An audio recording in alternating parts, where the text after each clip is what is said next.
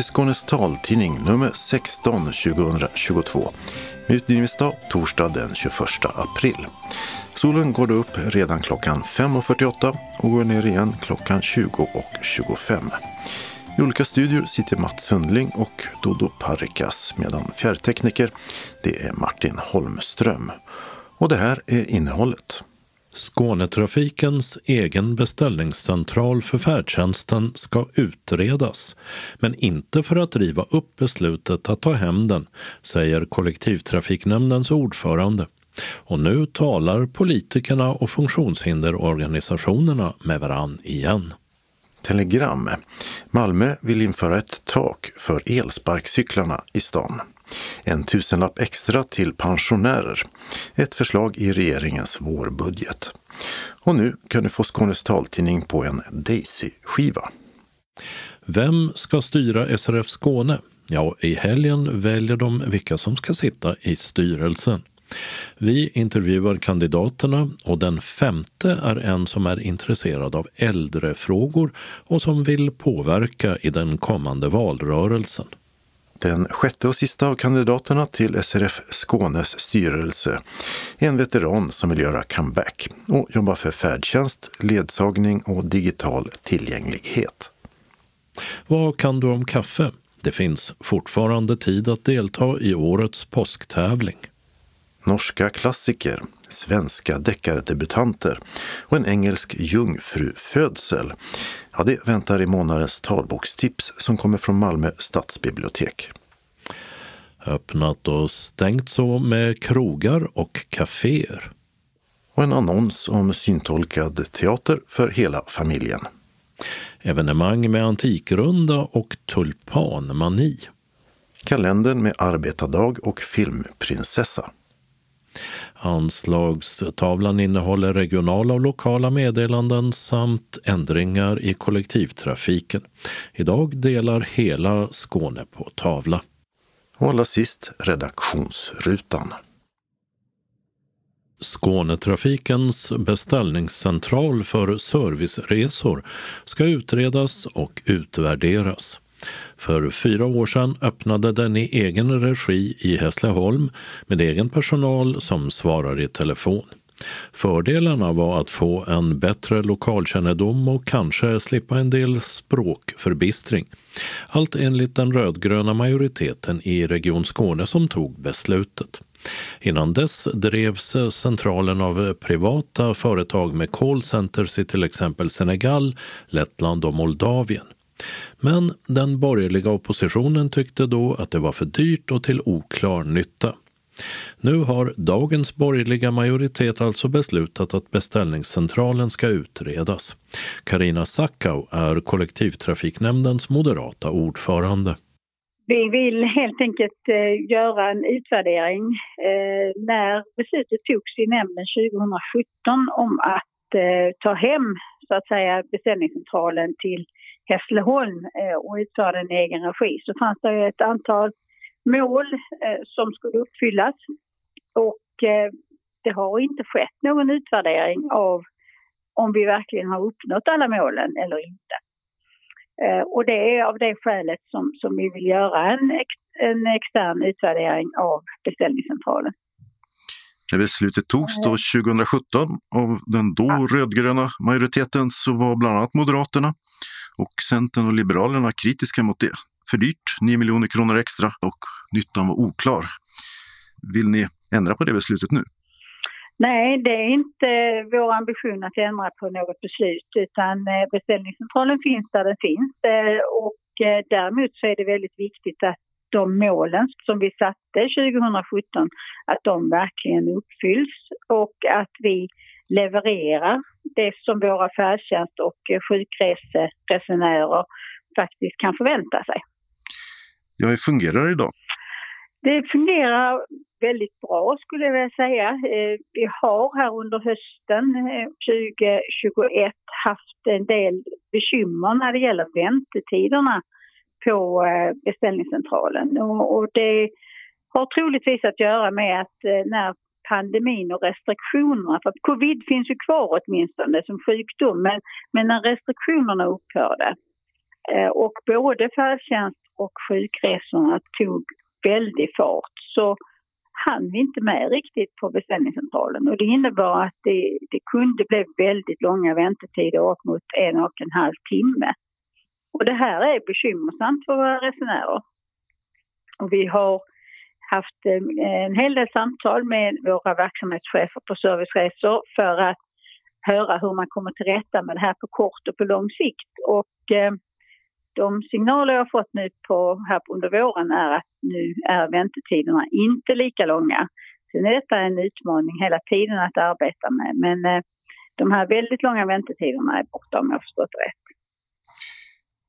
En annan fråga är ju att de tre funktionshinderorganisationerna då, SRF, DHR och Funktionsrätt i Skåne hoppade av samarbete med Skånetrafiken om tillgänglighet. Bland annat med hänvisning till färdtjänsten men också till att Skånetrafiken i den här arbetsgruppen för tillgänglighet inte lyssnade. Och i förra veckan hade ni ett möte. Kan ni tala med varandra nu?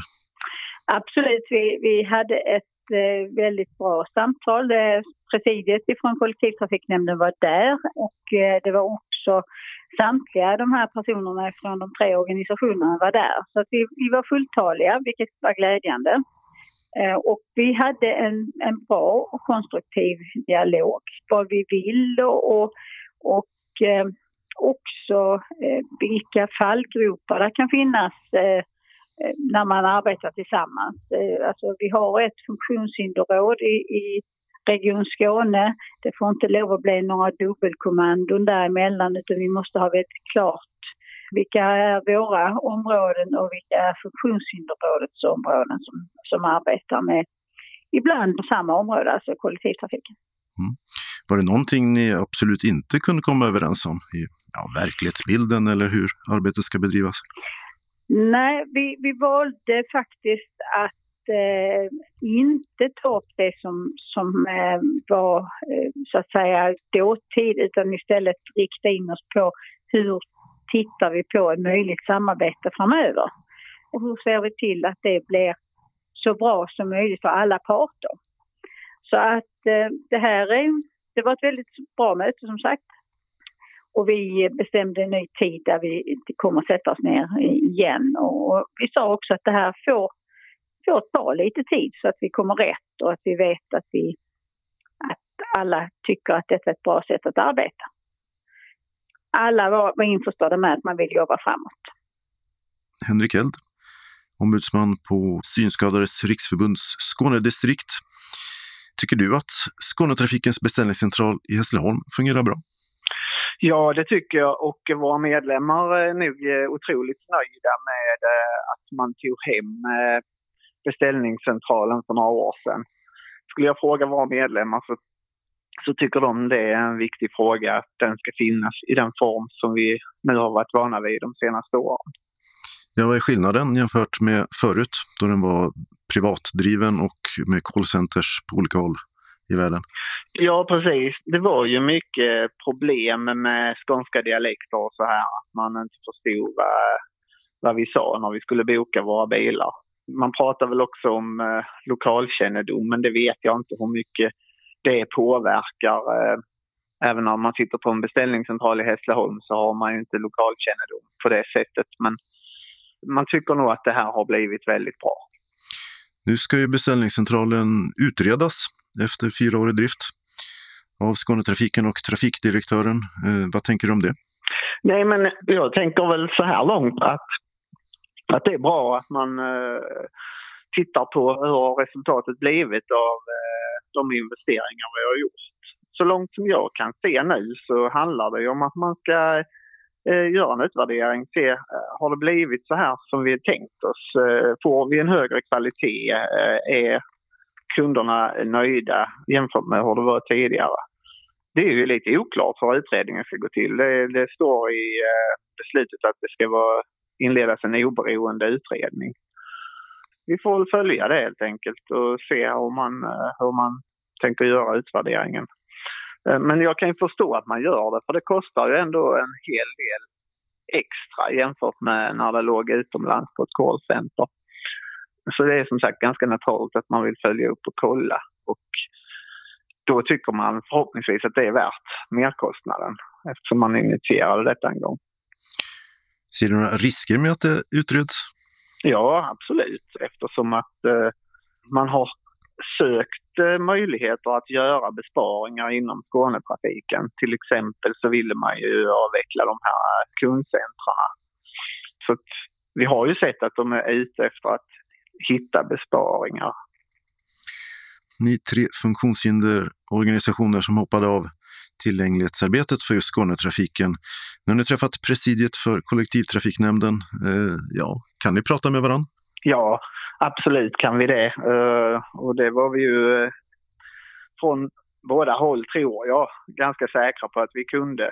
För att eh, vi har ju inte eh, varit speciellt arga utan lite mer besvikna och på utvecklingen som har varit den sista tiden och tyckt att vi hamnar i en gisslansituation när vi sitter i en arbetsgrupp som bara pratar om tillgänglighet i kollektivtrafiken. Särskilt med den utveckling som har varit eh, när det gäller färdtjänst, eh, avslag på färdtjänst för synskadade. Nu handlade det ju inte så mycket om det eh, på det här mötet utan det var ju en del i att vi eh, lämnade den arbetsgruppen vi pratar inte så mycket om varför utan mer vad vill vi framöver? Hur kan vi jobba tillsammans framöver? Och eh, vi var ju tydliga med att eh, vi vill prata om hela reskedjan där även färdtjänst är en naturlig del. Så att då är det viktigt att man pratar både färdtjänst och kollektivtrafik och eh, hur det fungerar när man har olika funktionsnedsättningar sa Henrik Eld, ombudsman på Synskadades riksförbunds Skånedistrikt. Nästa möte mellan regionpolitikerna och de tre avhoppade funktionshinderorganisationerna är planerat till eh, sista maj. Reporter var Mats Sundling. Telegram. I Malmö vill den politiska ledningen få bukt med problemen med elsparkcyklar genom att införa ett tak för hur många som ska få finnas i stan.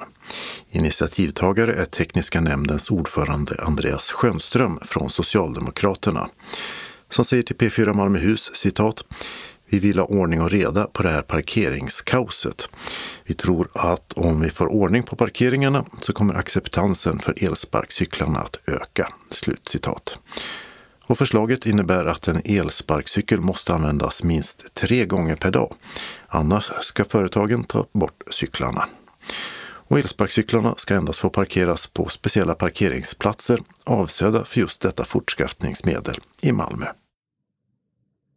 I tisdags presenterade finansminister Mikael Damberg regeringens förslag till vårändringsbudget. Och det handlar om åtgärder på totalt 35 miljarder kronor där mycket handlar om efterverkningarna av pandemin och av kriget i Ukraina. Det finns också förslag om ett garantitillägg på upp till 1000 kronor mer i månaden till en miljon pensionärer till en total kostnad av 4,2 miljarder. Men där är det osäkert om det förslaget går igenom i riksdagen. Inte minst eftersom det var ett krav från Vänsterpartiet för att rösta fram Magdalena Andersson som statsminister.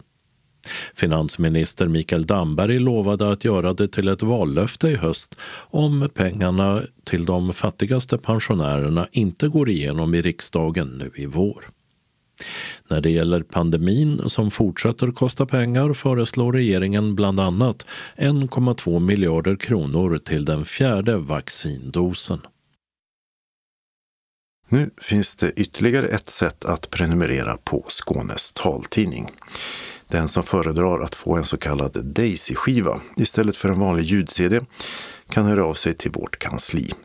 Du kan antingen ringa till 040 673 0970 eller skicka mejl till Skanes taltidning skane.se så ordnar vi det omgående. För att kunna lyssna på Daisy-skivan behöver du en Daisy-spelare. Har du till exempel fått spelaren via regionens synmottagning så är det en Daisy-spelare. Du lyssnar på precis samma sätt. Bara stoppa in skivan i spelaren och tryck på play. En fördel med Daisy-skivan är att den inte är lika känslig för fel. Så om du haft problem med skivorna från oss så rekommenderar vi att du provar Daisy-skivan. Om du har möjlighet till det. I helgen är det dags för Synskadades riksförbunds Skånedistrikt att ha sitt årsmöte då bland annat en ny styrelse ska väljas. Vi har i en liten serie intervjuat de som vill ha en plats i den. Och nu har turen kommit till någon som lockas framför allt av att i den kommande valrörelsen vara med och försöka påverka politiker med flera att driva frågor som är viktiga för personer med synnedsättning. Jag heter Jan-Olof Asp, jag är 72 år. Jag är gravt synskadad, bor i Helsingborg. Jag har jobbat i drygt 40 år som journalist och opinionsbildare inom eh, dagsmedia och lite grann sociala medier på slutet innan jag blev förtidspensionär. Och nu är jag ju ledamot av distriktsstyrelsen i Skåne, SRF, och eh, den lokala SRF-föreningen Ängelholm Bostad. Och hur kommer det sig att du vill vara med i SRF-distriktets styrelse även den kommande tvåårsperioden? Jag känner att det finns väldigt mycket att göra och för att man ska kunna göra någonting vettigt så måste man ha hunnit skaffa sig erfarenheter. Det gäller att samarbeta och eh, titta på de specifika frågor som eh, vi synsvaga måste jobba med. Och det jag ser fram emot här nu det är ju faktiskt det är ju valår. Och då finns det extra skäl att eh, föra fram oss synskadades hjärtefrågor till politiska beslutsfattare. Eh, tjänstemän på olika nivåer i stat, kommun, regioner. Vi måste passa på att föra fram våra speciella önskemål så att vi kan få ett jämställt och gott liv. Och vilka det frågor är det, är det framförallt du vill driva då? Ja, det som är mest känt här nu det är ju färdtjänsten, men det sköter sig nästan själv. Men eh, vad jag tycker någon viktig fokusfråga det är ju faktiskt äldre synskadade som har problem. De känner ett digitalt utanförskap. Man är inte så duktig på mobiltelefoner och tekniska hjälpmedel. Man eh, har svårt att få sina färdtjänsttillstånd förlängda. Det kan vara problem med eh, hemtjänst i hemmet det kan vara problem med ledsagning. Och för yngre är det också att komma ut på arbetsmarknaden. Så det är många frågor du brinner för? Ja, alltså man får ju välja någonting här. Man kan inte hålla på med allt. Men med tanke på min egen bakgrund så känner jag att det här med opinionsbildning ett valår, det vill jag gärna bidra med mina erfarenheter. Du har varit med i styrelsen i två år. Vad tycker du främst att du har kunnat påverka där? Ja, det blev ju så att när jag kom in i styrelsen så hamnade jag ju i arbetsgruppen kultur och fritid. Och det har varit väldigt utvecklande och jag tycker att vi har fått fram den här gruppen av fyra personer, jag är sammankallad med där, har gjort ett riktigt kanonprogram när det gäller medlemsaktiviteter. Det har nog inte, ska jag inte förhäva oss, men det har nog inte förekommit eh, på långa tider. Att det har varit ett så brett utbud av aktiviteter för medlemmarna. Och det vill jag gärna fortsätta med. Det har ju varit pandemi under de eh, två år som du har varit med i styrelsen. Hur har det påverkat? Ja, det har ju påverkat att man har tvingats att ställa in en hel del fysiska aktiviteter. Och, men då har vi ju lyckats och eh, genomföra mycket av detta på distans. Det vill säga via Teams och andra sätt att man har eh, telefonkonferenser och annat. Så vi har ju ändå lyckats överbrygga detta även om många medlemmar har, har lämnat oss. Så har vi ändå, tycker jag, åstadkommit väldigt bra resultat. Och det som är intressant här, måste jag poängtera, det är ju att kombinationen av fysiska möten, till exempel en litteraturträff som man samtidigt sänder ut på distans så att man kan sitta långväga ifrån och vara med och lyssna och ställa frågor. Så att det tycker jag att vi har lyckats hantera väldigt väl. Tror du att det har gjort någonting när det gäller det digitala utanförskapet som man pratar så mycket om? Att man lite har tvingats, om man vill vara med på en aktivitet, att också lära sig hur det fungerar? Jo, det är just det som är en av de stora poängerna här. Jag har själv lett eh, den här berättarglädje, det är alltså en skrivarkurs och den har gått och går fortfarande andra året nu på distans. Och eh, vi märkte ju redan i fjol att det var en del medlemmar som gärna ville vara med och skriva och få kritik och, samtala kring skrivarfrågor överhuvudtaget. Men de hade inte den kunskapen. Men vi har ju haft en bra IT-support och haft en utbildning för att man ska kunna delta. Så att det har ju så att säga lusten att, eh, att delta i en aktivitet har ju inte tvingat fram, stimulerat kraftigt till att man lär sig den här tekniken. Det är ett stort mervärde faktiskt. Och förutom att vara med i SRFs styrelse och så, vad gör du på fritiden? Skriver. det är en gammal dröm att när jag blir, eh, får tid att pensionera så ska jag skriva, så jag håller på med det.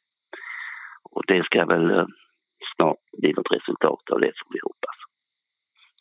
Du är inte valberedningens förslag. Spelar det någon roll tycker du?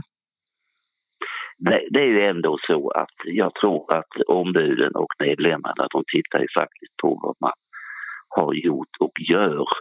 Jag tror inte eh, valberedningens eh, prioriteringar har så mycket med detta att göra. Så det gärna vill fortsätta med detta. Det har varit otroligt utvecklande.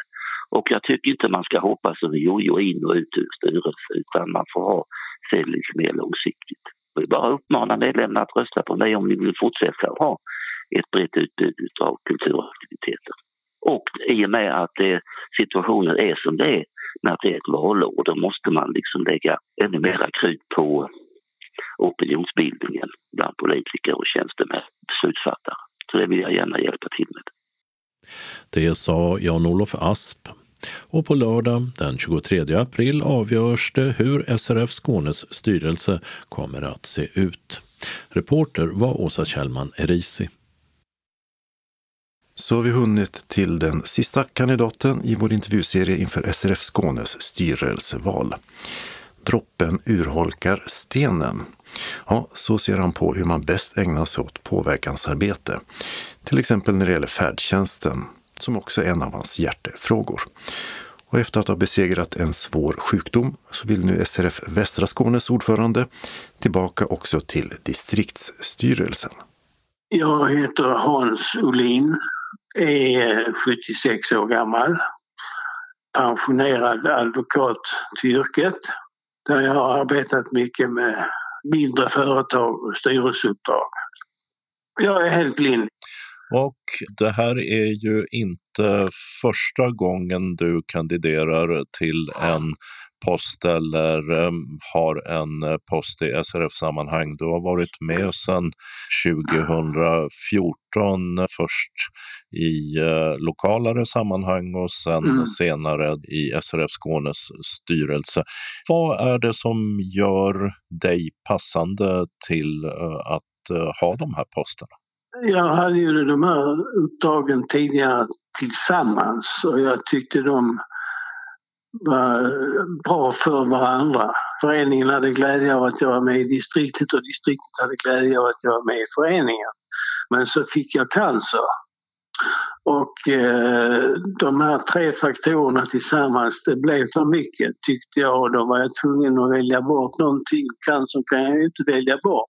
Utan jag bedömde att mitt, min insats behövdes bäst i den lokala föreningen så därför så tackade jag för mig och gjorde en paus i arbetet på distriktet. Men nu vill du tillbaka? Ja, nu tycker jag att eh, det jag sa tidigare om att de passar varandra, de två uppdragen, det tycker jag fortfarande och jag är helt frisk nu så att eh, det tycker jag att jag ska kunna klara av på ett bra sätt till glädje för både distrikt och förening. Du eh, har vid en eh, tidigare intervju inför eh, när du kandiderade till SRF Skånes styrelse och blev också vice ordförande så sa du att droppen urholkar stenen i påverkansarbetet och att det var en av dina styrkor. Vad menar du med det? Jag menar att i påverkansarbetet så det är inte alltid man ser ett omedelbart resultat av en insats.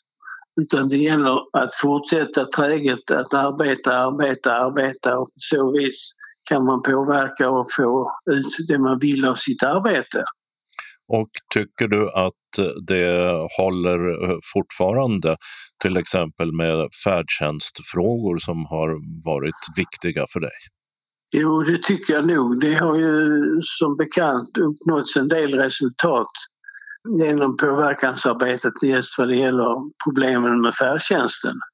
Och hade vi bara tigit stilla och legat nere när de här beskeden började komma in om vägrad färdtjänst, tillstånd för blinda, då hade det inte hänt någonting. Men framförallt Henrik Eld, ombudsman på distriktet, har ju stöttat upp på ett fantastiskt bra sätt.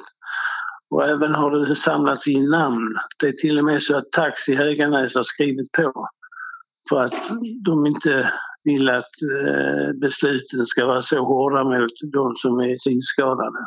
Man måste naturligtvis fortsätta arbeta för en sak som är mycket rimlig. Det går inte att liksom bara låta bli att jobba utan då gäller det att kavla upp ärmarna och fortsätta och det visar sig att det har ju gett resultat. Och det är också inom färdtjänstfrågor som Hans Olin tycker att han eh, kan se ett konkret resultat av eh, sina påverkansansträngningar.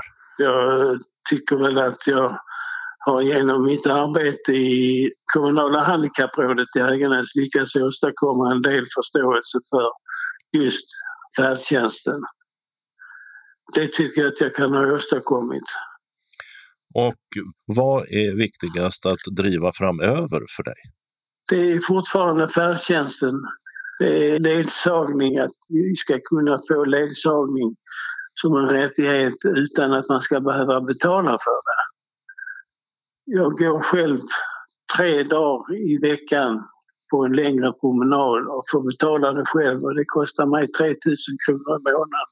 Och en sån sak kan inte vara rimlig. Sen är ju den digitala biten viktig. Väldigt viktig för oss.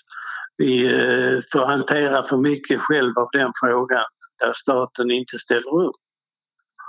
Till exempel som i distriktet man har via regionen fått stöd för att hålla kurser i eh, iPhone. Det allmänna sköter inte sin, eh, vad ska jag säga, sin pedagogiska skyldighet att se till så att människor som är synskadade kan använda sig av de digitala instrument som finns.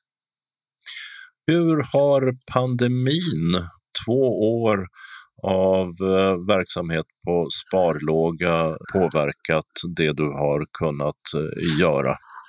Vi har inte kunnat ha våra möten och föra dialogen med våra medlemmar som ju är det viktigaste vi har att hantera på lokal nivå där jag ju har verkat nu under pandemin. Så skulle jag vilja säga det. Vi träffades senast på en golfbana, ett reportage om blinda som spelar golf. Mm. Och där har du ett intresse. Vad är dina privata intressen mer? Mina privata intressen mer det är framförallt min familj och det är föreningslivet som sånt.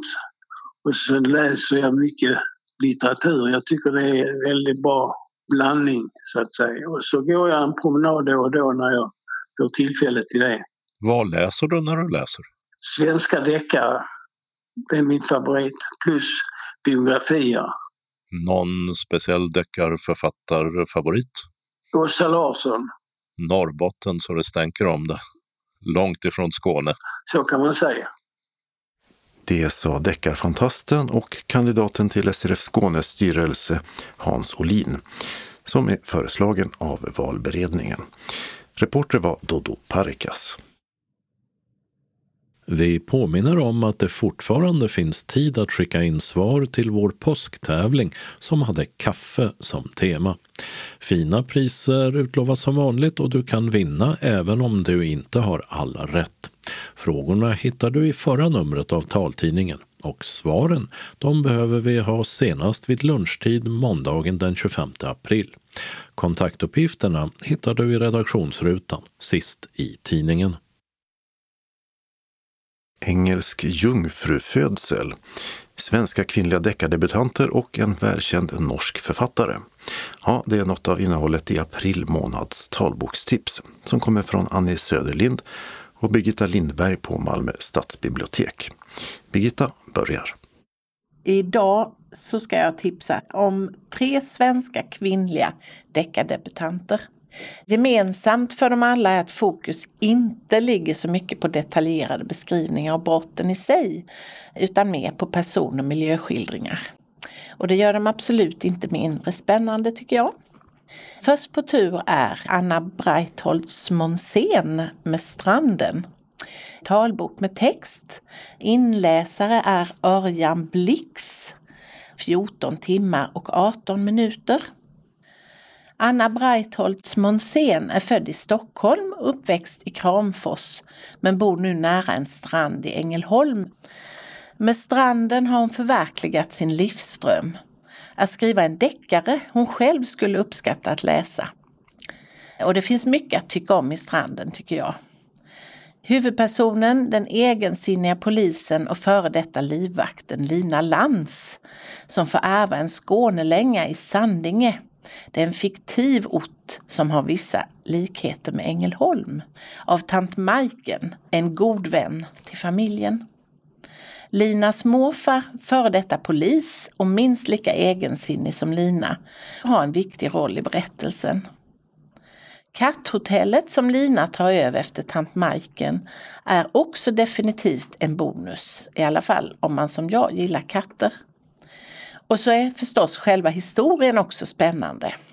1988 försvinner den 16-årige Peter, något som lämnat djupa spår hos många Sandingenbor.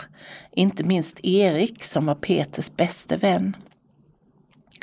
30 år senare, strax efter att Lina anlänt, drar åter mörka skuggor in över samhället då en ung man hittas mördad på stranden.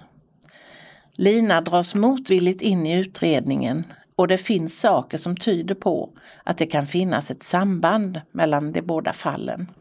Så, vi fortsätter med nästa debutant.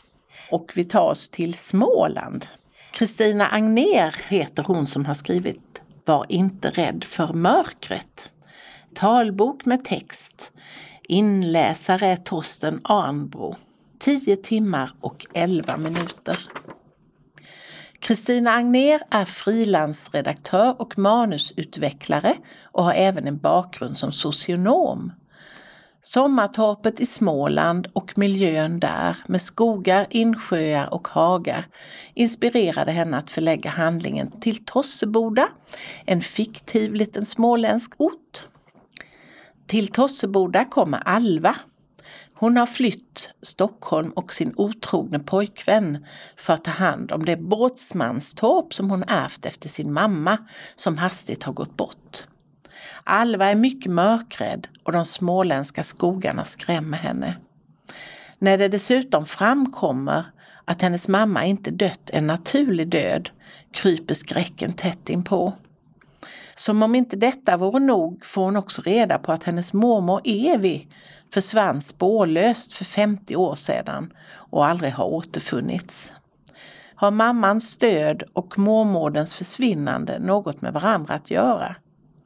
Som tur är får Alva hjälp av traktens unge polis. En ganska bufflig men också tilldragande man vid namn Jonathan.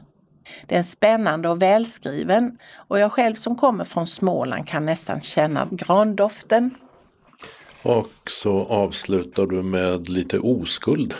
Ja, precis. Det är Kerstin Bergman som har skrivit en bok som heter Oskuld och oleander. Och då är det talbok med text. Inläsaren är Sari Eliasson och tiden 11 timmar och 23 minuter. Kerstin Bergman är docent i litteraturvetenskap hon har forskat om deckare i litteratur, film och tv under många år och har skrivit flera böcker i ämnet. Och nu har hon alltså debuterat med en egen deckare. Iris Bure har just blivit lämnad av sin man när hon får veta att hennes faste Irma har gått bort. Efter sig lämnar hon ett hus på idylliska Ekerö som en gång varit Iris barndomshem.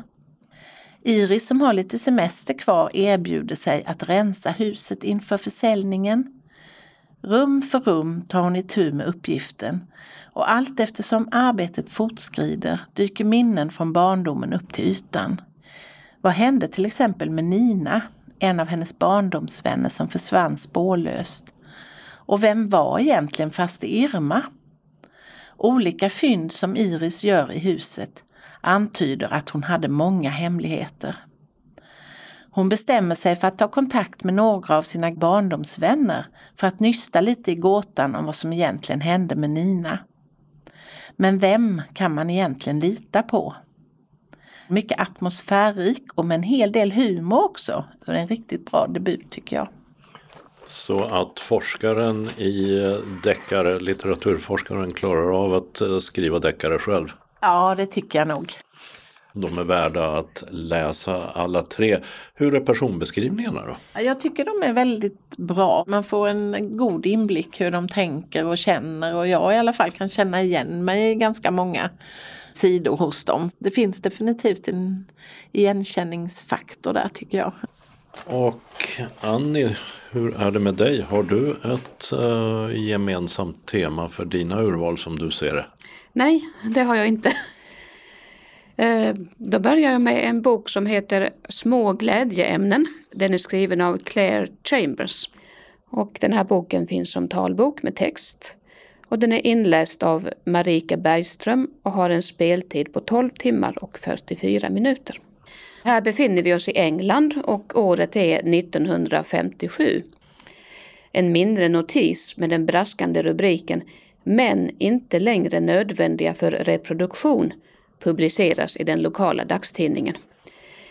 Egentligen handlar det helt enkelt om forskning som visar på att vissa djur tycks kunna föröka sig med endast ett enda kön. Men rubriken gör att läsekretsen reagerar, de flesta med ilska och indignation utom i ett av breven som kommer in till redaktionen. Kära utgivare. Jag fann er artikel i förra veckans tidning mycket intressant. Jag har alltid varit övertygad om att min egen dotter, nu tio år, blev till utan någon mans inblandning.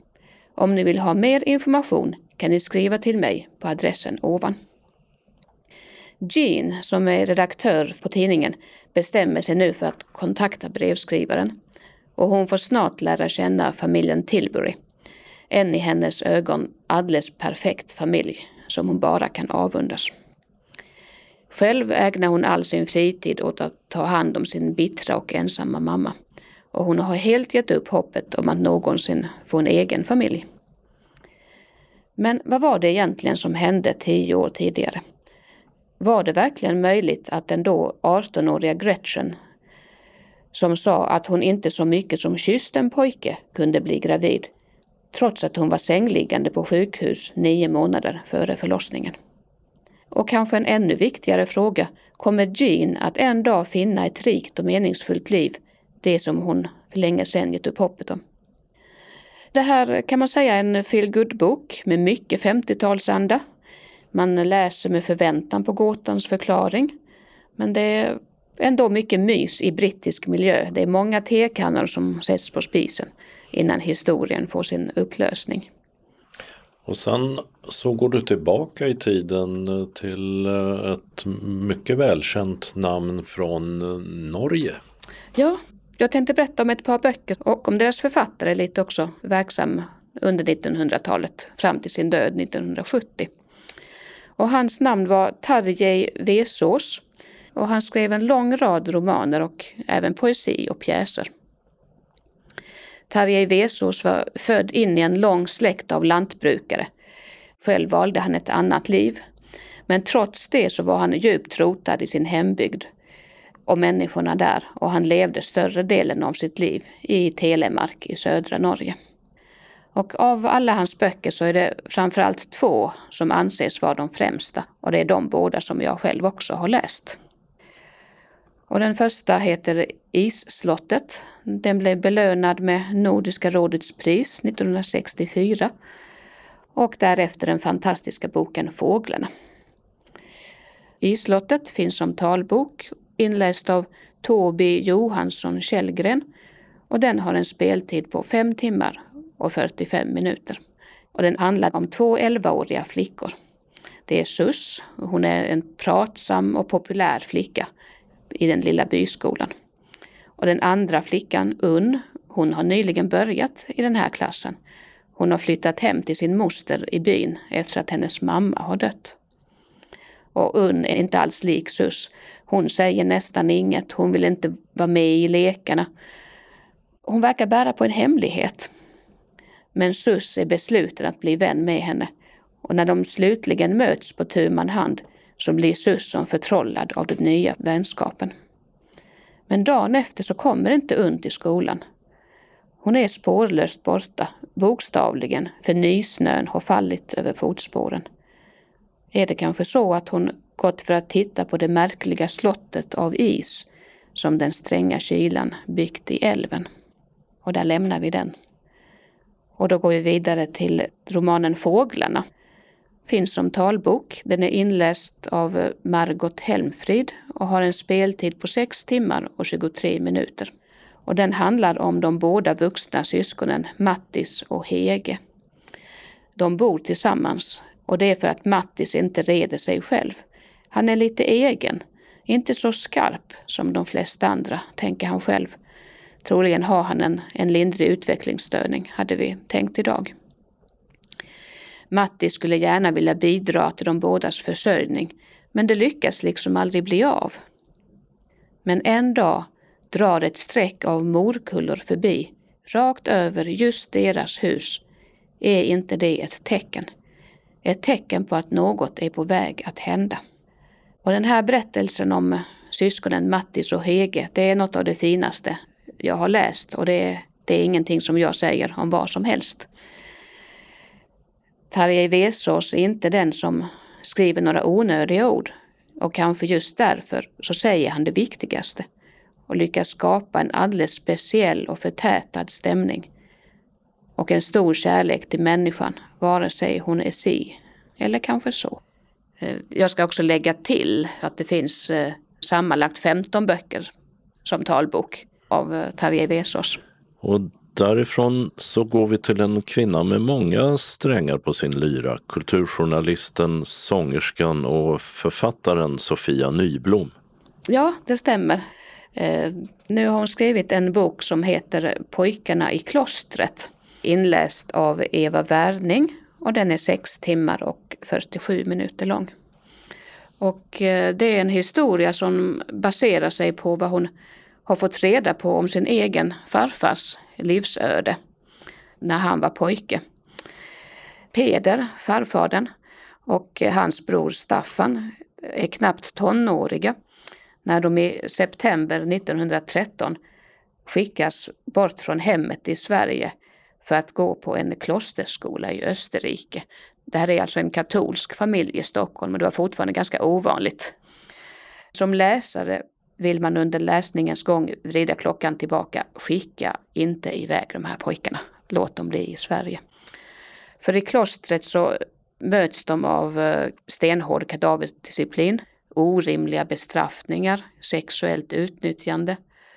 Och därefter kommer kriget, första världskriget, som bryter ut. Matbrist och spanska sjukan.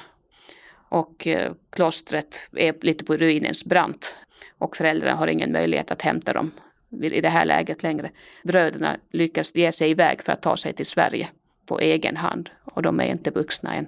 Det är unga pojkar. Är hon eh, bra på att beskriva det här? Ja, hon har gjort mycket e- efterforskningar så att hon håller sig dels till de fakta hon fått fram men hon lägger ju också till hur det kan ha känts för dem i den här situationen. Så är det krig och pandemi fast det är en helt annan tid? Ja, där är mycket mycket som återkommer nu drygt hundra år senare. Avslutade Annie Söderlind. Hon och hennes kollega Birgitta Lindberg på Malmö stadsbibliotek tipsade alltså om följande böcker. Stranden av Anna Breitholtz Månsén, Var inte rädd för mörkret av Kristina Agner, Oskuld och Oleander av Kerstin Bergman, Små glädjeämnen av Claire Chambers Isslottet samt Fåglarna, bägge av Tarjei Vesas och Pojkarna i klostret av Sofia Nyblom. Dessutom finns Kerstin Bergmans fackbok om deckare med titeln Kriminallitteratur som talbok inläst av Gert Lundstedt. Den är 17 timmar och 2 minuter lång. Och på vår hemsida skanestaltidning.se hittar du alla tidigare talbokstips under rubriken Boktipset. Reporter var Dodo Parikas. Öppnat och stängt. I Trelleborg har Systembolaget flyttat från Algatan och in i större lokaler i Valengallerian där MQ tidigare höll till. De har öppet vardagar till 19 och lördagar till 15. I Löddeköping har Byggmax flyttat från Varuvägen till Handelsvägen på andra sidan Lagervägen och slagit upp en extra stor butik med utökat sortiment. På Skurups handelsplats har restaurang Baked and Grilled öppnat på Korrhusgatan 12 intill Willys. Där serveras frukost, lunch och kvällsbuffé mellan 9.20 på vardagar och 11 till 18 på helgdagar. I Skåne finns de även i Kristianstad. I Lund har kaféet Magnifiket öppnat på Brunnshögsgatan 11B i den nya stadsdelen Brunnshög. Här serveras utöver kaffe och olika bakverk även lunchalternativ som sallader och sandwiches. I samma stadsdel har också blomsterbutiken Valmo Vild öppnat på Brunnshögsgatan 18C. Här säljs närodlade snittblommor men också krukväxter och andra blommor. Behöver man en frisör finns det en på samma gata men med adressen Brunnshögsgatan 15C där frisersalongen Nettans öppnat. I Hannas mellan Hammenhög och Glemmingebro har Härden matstudio öppnat i den gamla skolan. Restaurangen är till en början öppen under helgerna och här erbjuds också catering och matlagningskurser. Adressen är Ystadsvägen 195 i Hammenhög. I Ystad har fastighetsbyrån flyttat till nya totalrenoverade lokaler i den tidigare bankfastigheten på Hamngatan 6. Kiviks nyaste krog heter Ulla och Folkes mat och vin. De öppnade i påsk och adressen är Esperödsallén 10. Grevie loppisbutik i Båstads kommun har flyttat 100 meter till Grusåsvägen 1. Under second hand-affären Rutigt och randigt. Så har vi en annons om syntolkad teater.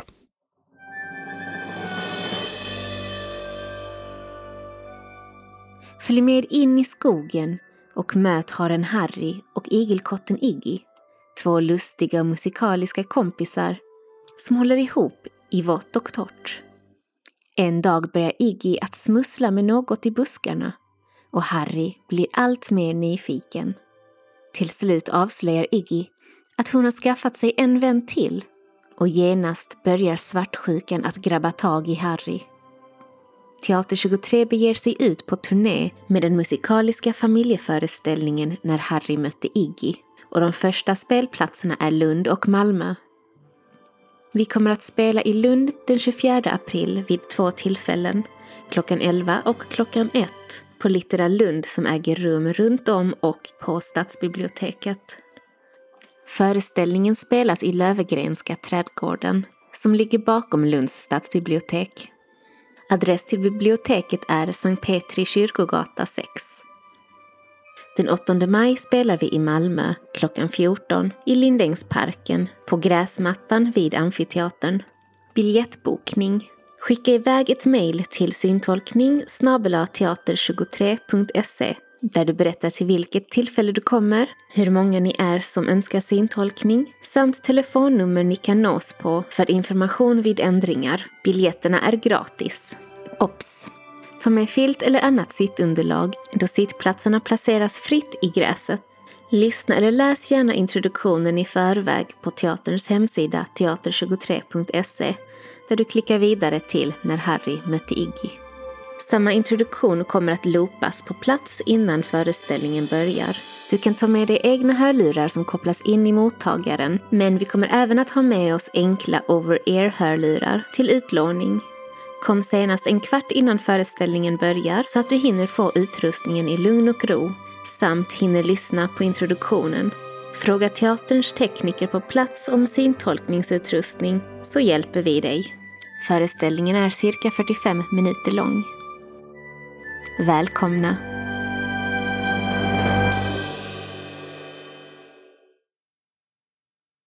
Evenemangstips Norrvikens trädgårdar i Båstad har öppnat för säsongen.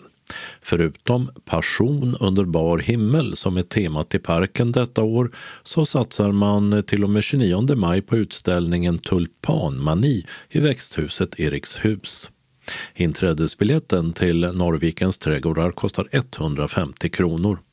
Och den 23 augusti så kommer SVTs Antikrundan till Norrvikens trädgårdar. Och den som vill ha otympliga föremål värderade ombeds att skicka in bilder på dessa via hemsidan shortaudition.net antikrundan. S-H-O-R-T-A-U-D-I-T-I-O-N så tar de ställning till om dessa ska forslas till inspelningen, om tv-teamet kommer hem till ägarna eller om det inte blir något alls. Och den som vill ha mindre föremål värderade ombeds hålla antalet prylar på max 10 stycken och föranmäla sig. Även detta via sajten. I år skulle Povel Ramel ha fyllt 100 år, vilket gör 2022 till Povelåret. Medan Rameliana, det är namnet på en tredelad Povel Ramel-show nu på lördag den 23 april på Moriska paviljongen i Malmö Folkets park.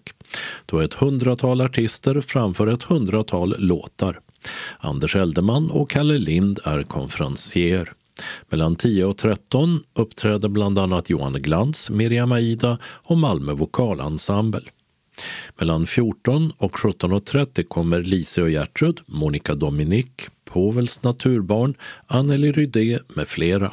Och 18.30 till 22 görs plats för Mikael Neumann och Lars Holm, Roger Berg Big Band och Mimi Terris kvartett och ett antal artister till.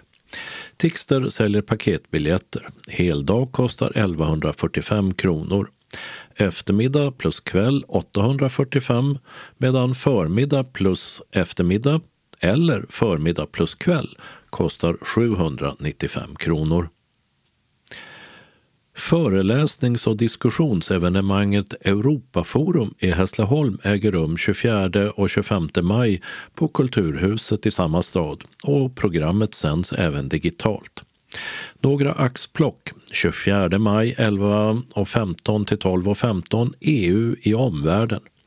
Utgångspunkt är covid-pandemin och Rysslands krig mot Ukraina. 14.30 till 15.30 Hur kan EU hjälpa flyktingar från Ukraina?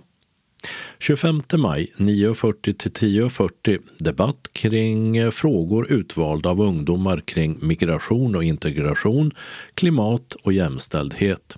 Deltar gör Centerns riksdagsledamot Sofia Nilsson och Liberalernas regionråd i Skåne Louise Eklund. Mellan 11 och 12 handlar det om EUs gröna giv i halvtid. Hur påverkar kriget ambitionerna? Och 12.50 till 14 Hur ser framtidens stadskärnor ut? För deltagande på plats i Kulturhusets röda salong krävs anmälan, men inte för nätversionen som sänds via Hässleholms Youtube-kanal.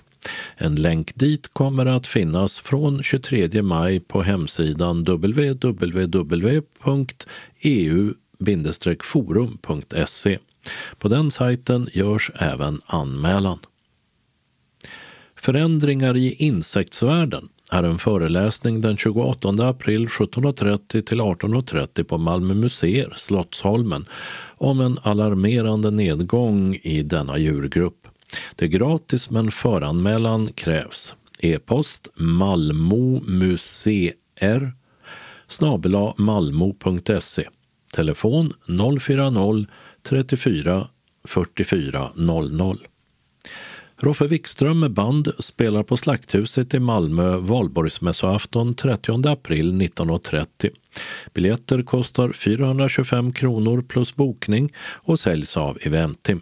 Åldersgräns 13 år. Missa Criolla, eller kreolsk mässa av Ariel Ramirez och med inspiration från argentinsk folkmusik ges i Ottarps kyrka mellan tågar på Glumslöv. Och det är den 1 maj mellan 16 och 18. På biblioteket i Tollarp föreläser vattenforskaren Kenneth M Persson 2 maj 18.00. Temat är hur Kristianstadstrakten bland annat kan beröras av översvämningar. Ingen föranmälan men begränsat antal platser. Adress Gästgivaregatan 15, Tollarp. Numera 81-åriga jämtländska fusionsmusikern Merit Hemmingsson rör sig hemtamt mellan jazz, grooverock och folkmusik. Och hon ger en konsert på Mejeriet i Lund 13 maj klockan 20. Tixter säljer biljetter för 365 kronor. Avgångsstudenterna från Lunds universitets författarskolas kandidatkurs ska läsa ur sina litterära texter inför publik, varvat med panelsamtal. Detta på Lunds stadsbibliotek den 1 juni mellan 14 och 17. Det är fri entré. Och i sommar så blir det åter musik i Äppelriket med ett fullmatat program. Och biljetterna de är redan nu släppta hos Kulturcentralen. Pianisterna Jan Lundgren och Klara Andersson inleder festivalen den 5 juli i Södra Mellby kyrka. Det blir jazztoner och klassiskt när de tolkar den svenska sommaren musikaliskt.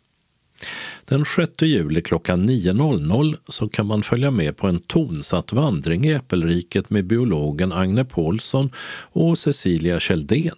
Och hon spelar blockflöjt. Den äger rum på Stenshuvud och är gratis men man förbokar sin plats eh, på Naturums telefon 0414 708 82. Och det blir fler tonsatta vandringar på Stenshuvud med samma upplägg. Den 7 juli klockan 11 och 13 är det museichefen Lena Alebo som under vandringen berättar om spännande händelser som teamat på platsen. Och Ensemble Mare Balticum som då står för musik på äldre tiders instrument. Och den 6 juli så blir det en kvällskonsert i Södra Mellby kyrka på viola och piano när Simon Crawford Phillips och Sveriges Radios symfoniorkesters konsertmästare Malin Broman spelar musik av bland annat Clara Schumann och Rebecca Clark. På kvällen den 7 juli kan man i samma kyrka lyssna på barockviolinisten Clara Hellgren och sångarna i ensemble Memento i ett program med Johann Sebastian Bachs musik. Den 8 juli tolkar Emil Fredberg Elvis Costellos verk The Juliet Letters tillsammans med Friskvartetten. Och festivalen avslutas 9 juli då kvartetten Camerata Nordica möter klarinettvirtuosen Emil Jonasson i ett program med kvintetter av Mozart och Brahms. Samtliga konserter börjar 18.00 och biljetterna som kostar 240 kronor för vuxna och 120 för de som är under 16 år säljs alltså av Kulturcentralen. Eva Dahlgrens album En blekt blondins hjärta gjorde braksuccé hösten 1991 och i höst ska musikskatten från skivan och dess upphovskvinna ut på en arenaturné kallad En blekt blondins hjärta Vintage Tour. Turnén startar i Helsingfors i slutet av september och når Skåne 22 oktober 1930 då hon spelar på Helsingborg Arena. Och 4 november samma klockslag står Eva Dahlgren på Malmö Arenas scen. Ticketmaster säljer biljetter till bägge konserterna för mellan 595 och 895 kronor. Och en hel del parkettplatser är redan sålda, särskilt i Malmö. Och det finns en åldersgräns på 13 år. Den gäller även i målsmans sällskap. Biljettinformation Tixter Telefon 0771 47 70 70. Eventim 0771 65 10 00.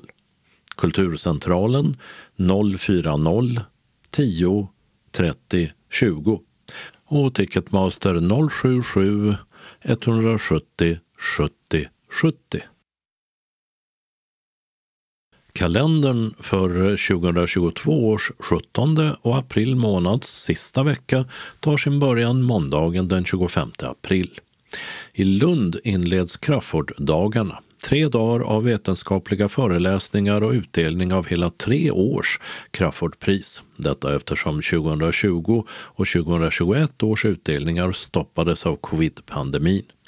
Priset, 6 miljoner kronor, går till förtjänstfulla forskare inom matematik och astronomi, geovetenskaper, biovetenskaper och om polyartrit, till exempel ledgångsreumatism, och ses som ett komplement till Nobelprisen. Årets pristagare är Harvard-professorn Andrew Noll som får priset för geovetenskaplig forskning på mikrofossilnivå om livets första tre miljarder år på jorden. Priset delas ut i samarbete mellan Kungliga Vetenskapsakademin och Crafoordska stiftelsen i Lund. Vad har Norges kronprinsessa Märta gemensamt med den fiktiva polisen Saga Norén i tv-serien Bron? Jo, Bägge har spelats av skådespelaren Sofia Helin som slog igenom i filmen Masjävlar 2004. Nu fyller skådespelaren Sofia Helin 50 år. Och Marcus, han har namnsdag. Tisdag 26 april utfrågas finansminister Mikael Damberg i konstitutionsutskottet KU om regeringens agerande när det gäller Coronakommissionen samt om regeringens krishantering under pandemin och hur den dokumenterades. Utfrågningen inleds 11.00 och direktsänds i riksdagens webb-tv. 85 år har passerat eh, sedan terrorbombningen av den baskiska staden Guernica 1937 under spanska inbördeskriget. Bombningen tolkades av Pablo Picasso i en av konstnärens mest kända målningar, gjord i protest mot vad som hänt.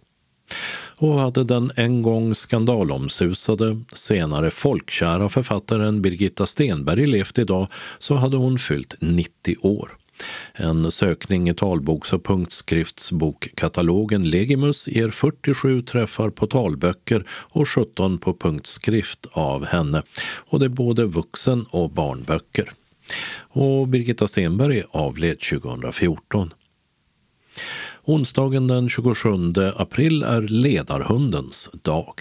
Och så heter namnsdagsbarnet Engelbrekt. Torsdagen den 28 april har Ture och Tyra namnsdag. I riksdagens konstitutionsutskott utfrågas utrikesminister Ann Linde om hur hon lurades av uppringande ryska komiker att prata bredvid mun om bland annat gasledningen Nord Stream. Hon ska också frågas ut om regeringens hanterande av evakuering av bland annat lokalanställda tolkar i Afghanistan, tolkar som arbetat för Sverige. Fredagen den 29 april är Tykos namnsdag. Artisten, låtskrivaren och mellodeltagaren Fredrik Kempe fyller 50 år.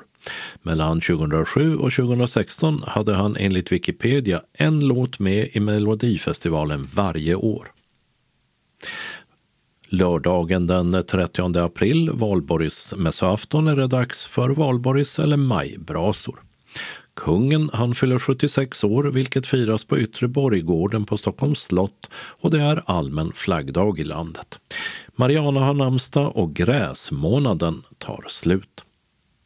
Söndag 1 maj går vi in i blomster eller lövmånaden som den hette enligt äldre tiders språkbruk. Det är arbetarrörelsens internationella dag och Socialdemokraternas demonstrationsparoller är i år Sverige kan bättre och alla folks frihet. Skåne får besök av en minister, det är biståndsminister Matilda Ernkrans som kommer att tala i Bromölla samt Kristianstad. Och även detta är en allmän flaggdag. Valborg har namnsdag och veckan tar slut. Anslagstavlans regionala del börjar med att SRF Malmö Svedala bjuder in gäster från hela Skåne till invigning med lite extra glans och glitter och filmvisning fredag den 6 maj klockan 18. Det är äntligen tillfälle att visa syntolkad film på vår förening. Vi har en ny ljud och bildanläggning som bara väntat på oss, men som alla vet har coronan satt stopp för all verksamhet. Vi erbjuder nu Sven Wolters sista film Dag för dag, som även den väntat länge på biopremiär och till slut uteblev den helt. Nu kan filmen ses via Simor och syntolkningen via Movietalk. Dag för dag är en varm dramakomedi av Felix Herngren. På ett äldreboende möter vi Malte, Rut och demente Tage samt vårdaren Katrin och städaren Simon. Denna brokiga grupp ger sig ut på en husbilsfärd genom Europa för att uppfylla en sista önskan det blir en oförglömlig resa där vänskap utvecklas, kärlek uppstår och livsavgörande beslut fattas. I rollerna Martina Haag, William Spets, Sven Wollter, Marianne Mörk och Thomas från Brönsen med flera. På föreningen kommer du att kunna köpa öl eller vin och du tar själv med dig ditt biogodis. Du anmäler dig på telefon 040-25 05 40 eller e-post info srfmalmo.se senast torsdag den 28 april före klockan 12. Boka bilen till Vännäsfridsgatan 13 på baksidan. Du ska vara framme till klockan 18. Och hemresan bokas till 21.30. Skulle din bil bli försenad eller något annat inträffa så kan du ringa Maj-Britt Ryman 070-324 6609. Välkomna till filmpremiären hälsar styrelsen. SRF Ängelholm Båstad bjuder in till öppet hus med ett möte med författaren Siggan Nyberg från Ängelholm. Onsdag den 27 april klockan 14 till 16 på Torgträffen på Gasverksgatan 25 i Ängelholm. Föreningen bjuder på kaffe med dopp utan extra kostnad och ingen föranmälan krävs. Siggan Nyberg, 82 plus, blev författare efter 40 år inom hälso och sjukvården och socialtjänsten. Hennes första bok, den första i en trilogi, heter Jag har alltid längtat. Bokens budskap handlar om hur krig kan påverka ett barn för resten av livet. Hon berättar om familjens flykt från östra Polen undan Röda armén under det andra världskriget. Rysslands angrepp på Ukraina i år har väckt fasansfulla minnen till liv hos henne. Kom och lyssna på hennes ögonvittnesskildringar av livet som flykting. Varmt välkomna! Den lokala delen av anslagstavlan är idag gemensam för hela Skåne. SRF Bjuv Klippan Åstorp bjuder först in närliggande lokalföreningar, det vill säga SRF Norra, SRF Västra och Ängelholm Båstad och sina egna medlemmar på en riktigt härlig dagsutflykt onsdag den 11 maj som går med resteamet från Klippan till Minnenas museum. Vi börjar dagen med att stanna till vid Gåsapågarna på Bialit och tar oss en kopp kaffe och en fralla. Turen går sen vidare till Minnenas museum där vi kommer att få se gamla bilar, leksaker och mycket annat fint. Vi åker därefter till Elise Farm för att äta lite lunch. Sen åker vi iväg till Gamlegård i Billinge för en visning. Dagen slutar med en riktigt god fika hos Lotta på Åsen där vi serveras kaffe och sju sorters kakor. Tycker ni denna bussresa verkar vara intressant så följ gärna med. Upphämtning med bussen kommer att vara på följande ställen. I Klippan är upphämtningsplatsen Hotell Gästis på adressen Åbyplan 3 klockan 8.30. I Kvidinge är det vid brandstationen klockan 8.40. I Åstorp, Vidåsen på Hemgatan 11 klockan 8.55. Och i Bjuv är upphämtningsplatsen infarten till Coops parkering klockan 9.10. Och vi åter i Klippan klockan 17.30. Är du intresserad, kontakta din förening. Är du medlem i SRF Bjuv Klippan Åstorp, kontakta ditt ombud. Birgitta 0760 471 311 eller Lena 0793 401 731. Välkomna hälsar Claudia Sederholm, ordförande. Så några inbjudningar från SRF Malmö Svedala. Först till dagverksamheten. Måndag den 25 april klockan 13 till 15 blir det tidningsläsning och eller frågesport. Tisdag den 26 april klockan 13 till 15.15 15 blir det bingo. Vi serverar kaffe och smörgås eller kaka för 10 kronor. Och vi vill att alla anmäler sig till kansliet om man tänker komma senast klockan 10 samma dag. Känner man sig sjuk så stannar man hemma. SRF Malmö Svedala hälsar också välkommen till sopplunch på föreningen. Fredag den 6 maj klockan 13. Denna gång får vi besök av Nina och Maria från Malmö stadsbibliotek som berättar om talboksavdelningen, ger tips och svarar på frågor. Vi bjuder på gulaschsoppa och avslutar med kaffe och kaka. Är du medlem får du allt det här för 30 kronor. Icke-medlemmar betalar 50. Och färdtjänst hem kan beställas till 15 och 15. Vill du vara med så anmäl dig till kansliet senast tisdag den 3 maj. Varmt välkomna hälsar styrelsen. SRF Malmö Svedala har också en inbjudan till en trevlig helg i Simrishamn. Lördagen och söndagen den 21 och 22 maj bjuder SRF Malmö Svedala in till en smak och upplevelserik helg som du är riktigt välkommen till. Allt du behöver ta med dig är ditt goda humör. Vi startar på Skepparps vingård och där samlas vi klockan 11.30 till 11.50. Eva Bergqvist, en av ägarna, tar hand om oss och vi kommer att få provsmaka några av gårdens viner. Vi kommer också att inta vår lunch på gården. Sen åker vi med egen buss till Simrishamn och Hotell Svea där vi ska tillbringa resten av lördagen. Vi inkvarterar oss i våra rum och gör oss vackra innan vi intar en trerättersmeny i matsalen på kvällen. Resterande av aftonen är fri och vi har tid för trevligt umgänge. Efter hotellfrukost samlas vi i en konferenssal där vi möter en hemlig gäst. Vi äter vår lunch på Hotell Svea innan vi tar en promenad på cirka 15 minuter till Autoseum för de av oss som orkar och vill gå. För övrigt ordnar vi med transport där våra väskor även kommer att få följa med. De avslutas med eftermiddagskaffe innan hemresan klockan 16 från Autoseum. Resan du bokar och betalar din färdtjänst själv. Boka den till Skepparps vingård på Verkaåvägen 56 i Kivik och du ska vara framme till 11.30 till 11.45. Hemresan bokas från Autoseum på Fabriksgatan 10 i Simrishamn klockan 16. Deltagaravgiften för medlemmar i föreningen är 400 kronor per person i dubbelrum och enkelrum 700 kronor. I priset ingår inte resekostnaden. Inbetalningskort kan beställas på kansliet. När du anmäler dig, berätta om du önskar kött, fisk eller vegetariskt och givetvis om du behöver specialkost. Observera att på Skepparps vingård serveras fisk. Meddela även kansliet om du är behov av ledsagare. Om du inte vill stå med på deltagarlistan så måste du meddela även detta.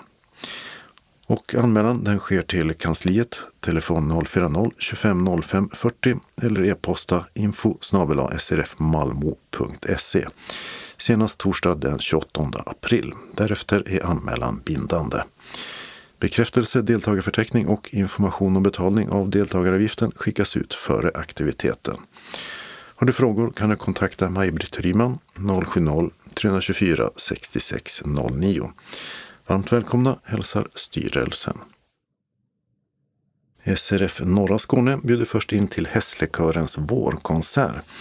Nu är det dags för vårens konsert på Kulturhuset i Hässleholm. Söndag den 8 maj klockan 17 i Röda salongen. Adressen är Järnvägsgatan 23. Biljettkostnaden är 250 kronor men du betalar endast 100. Anmäl dig till Anna-Lena Pekkele, mobil 070 36 00 647 eller e-posta alp.ledarhund gmail.com. Vi har 15 biljetter så det är först till kvarn som gäller. Hälsar styrelsen. SRF Norra Skåne har också en inbjudan till en utflykt till Snapphanebygden i Vittsjö. Vi i SRF Norra Skåne hälsar SRF Bjuv Klippan Åstorp och SRF Ängelholm Båstad till en gemensam träff lördag den 14 maj. Då ska Claes Rudestam berätta om snapphanarna häromkring samtidigt som vi njuter av en kopp kaffe med dopp. Vi samlas först i Vittsjös församlingshem på Kyrkvägen 2 och därefter tar vi oss till Vittsjös pizzeria på Hässleholmsvägen 3. Dessa rätter har ni att välja mellan värdshusschnitzel, rödspätta eller vegetarisk pizza. Pris 300 kronor per person. I det ingår buss, fika, föredrag och maten. All dryck betalar ni själva och vi åker buss mellan de olika platserna. Bussen går från Vittsjö klockan 18.30. Från Ängelholm går den eh, från Norra Sockerbruksgatan 10 klockan 12.15 och är tillbaka cirka 21.15. Polisstationen Polisgatan 2 klockan 12.25 tillbaka cirka 21.20. I Bjuv från infarten till Coops parkering klockan 12.45 tillbaka cirka 20.50. I Åstorp från Rönnåsen på Hemgatan 11 klockan 13 och tillbaka cirka 20.35. I Kvidinge från brandstationen på Storgatan klockan 13.10 tillbaka cirka 20.15. I Klippan från hotell Gästis på Åbyplan 3 klockan 13.30 tillbaka cirka 19.45. Från Hässleholm, Stjärnhuset på Kaptensgatan 10 klockan 14.15 tillbaka cirka 19. Från Kyrkskolan vid Skolgatan klockan 14.15 tillbaka cirka 19. Och i Osby från Borgen vid torgen Klockaregatan klockan 14.15 tillbaka cirka 18.45. Vid anmälan berätta vad ni vill äta och vart ni vill gå på bussen. För smidighets skull vore det bra om ni har jämna pengar och att ni betalar innan ni kliver på bussen. Sista anmälningsdag är den 1 maj till varje förenings kontaktpersoner. Eller e-posta alp.ledarhund gmail.com. Hjärtligt välkomna önskar styrelsen för SRF Norra Skåne. SRF Västra Skåne inbjuder till torsdagsträff. Torsdag den 28 april klockan 14 till 16 i SRF-lokalen på Vaktgatan 3 i Helsingborg. Än en gång håller Gunnel och Maria i programmet. Till fikat serveras äpplepaj och vaniljsås. Fikavgiften är 30 kronor och anmälan sker senast tisdag den 26 klockan 12 till kansliet 042 15 83 93 eller via e-post till srfvastraskane srf.nu. Välkommen! Vi avslutar med några tillfälliga ändringar i busstrafiken. I Lomma bygger man på Fjäljevägen, vilket från i tisdags stängt två hållplatser för regionbussarna 126 och 137. Fjällieby läge B mot Lund ersätts av hållplatsen Gammelmark B som ligger en och en halv kilometer framåt i bussens körriktning. Och åt andra hållet ersätts hållplatsen Gammelmark A av hållplatsen Fjälleby A, som också den ligger en och en halv kilometer fram i bussens riktning. Den 20 maj klockan 16 ska de vanliga hållplatserna öppna igen. I Kristianstad har ett arbete i korsningen Karlavägen och Västra Storgatan flyttat på busslinjerna 3 och 84 hållplats Arenan A och B. För trean ersätter en tillfällig hållplats på Videllsgatan cirka 200 meter västerut. Och för 84 ersätter hållplatsen Fotbollsarenan A. Och den ligger 350 meter söderut på Arenavägen. Så ska det vara där till den 13 maj klockan 16. I Malmö har man börjat asfaltera en bit av Jägersrovägen och hållplatsen Jägersro läge E har stängt. Regionbussarna 141 och 144, liksom stadsbusslinje 1, 31 och 55 stannar istället vid en tillfällig stolpe 350 meter västerut på Agnesfridsvägen. De tre stadsbussarnas hållplats Jägershill A är också stängd med samma stolpe som ersättning. Och 55ans hållplatser Skrittgatan och Elisedal är stängda i bägge riktningar med hållplatsen Elisedals industriområde som alternativ. Den 9 maj klockan 15 ska det arbetet vara klart. I Malmö drar ett vägarbete på Hyllie vattenparksgata ut på tiden och regionbuss 170 hållplats Hyllie läge E fortsätter vara stängd med en tillfällig stolpe som ersättning 110 meter österut och på Arenagatan. Den 6 maj klockan 15 sägs nu den vanliga hållplatsen öppna igen. Och i Malmö har man börjat asfaltera om på Gustav Adolfs torgs västra sida. Där har stadsbuss 2 och 8 hållplatser stängt och ersatts av tillfälliga. Tiotalet meter söderut på den korsande Lilla Nygatan vid samma torg. Den 29 april klockan 16 ska det vara som vanligt där igen.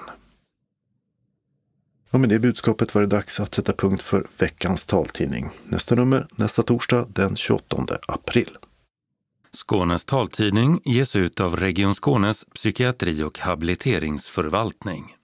Ansvarig utgivare är Martin Holmström. Postadress Jörgen Ankersgatan 12, 211 45 Malmö. Telefon 040-673 0970. E-post Skanes taltidning snabela skane.se och hemsida skanestaltidning.se. Observera att CD-skivorna inte ska skickas tillbaka till oss. Såväl skivor som kuvert kan läggas i brännbara sopor när ni inte längre vill ha dem. Vi hörs igen. Hej då!